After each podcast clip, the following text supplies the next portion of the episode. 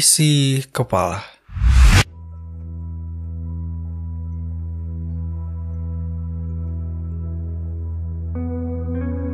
Aku hidup dalam panggung waktu yang dibuat semesta. Dipaksa terbangun dari mimpi panjang untuk menyegerakan pentas. Hati dan kepala masih saja bertengkar, mengeluh, menuduh hanya karena ingin terlihat pantas.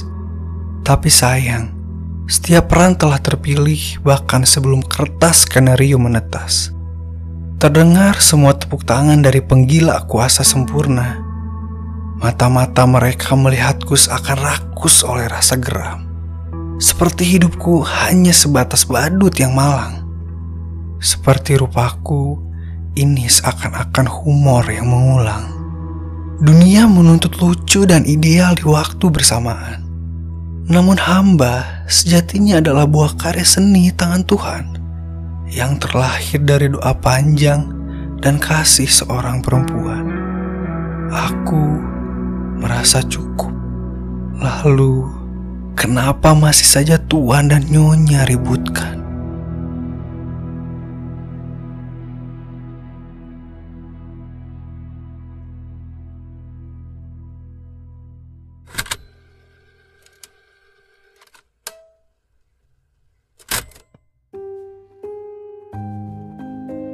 Jadi Makari ini bercerita tentang banyak orang-orang gak percaya diri sama apa yang udah Tuhan kasih. Entah itu fisik, waktu, atau pencapaian-pencapaian hidup yang masih belum kesampaian.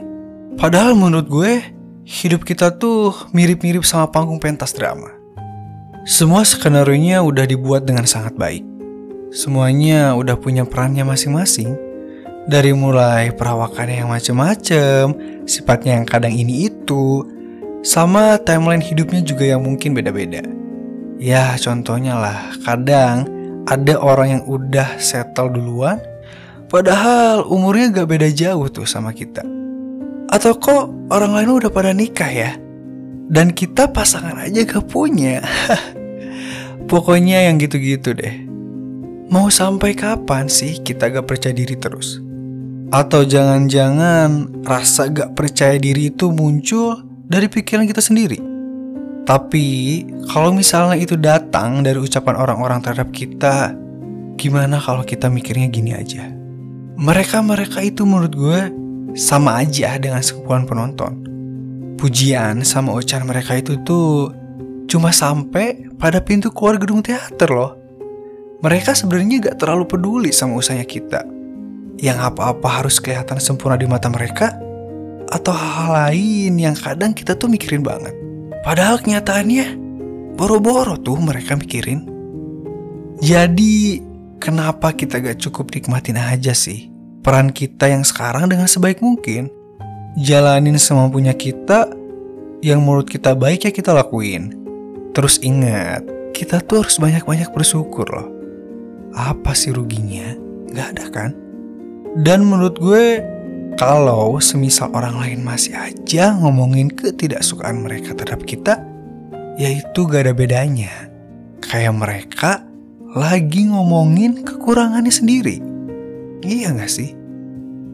Toh, sepintar-pintarnya kita, serajin-rajinnya kita, sebersih-bersihnya kita, pada akhirnya masih aja akan kelihatan kurang di mata mereka.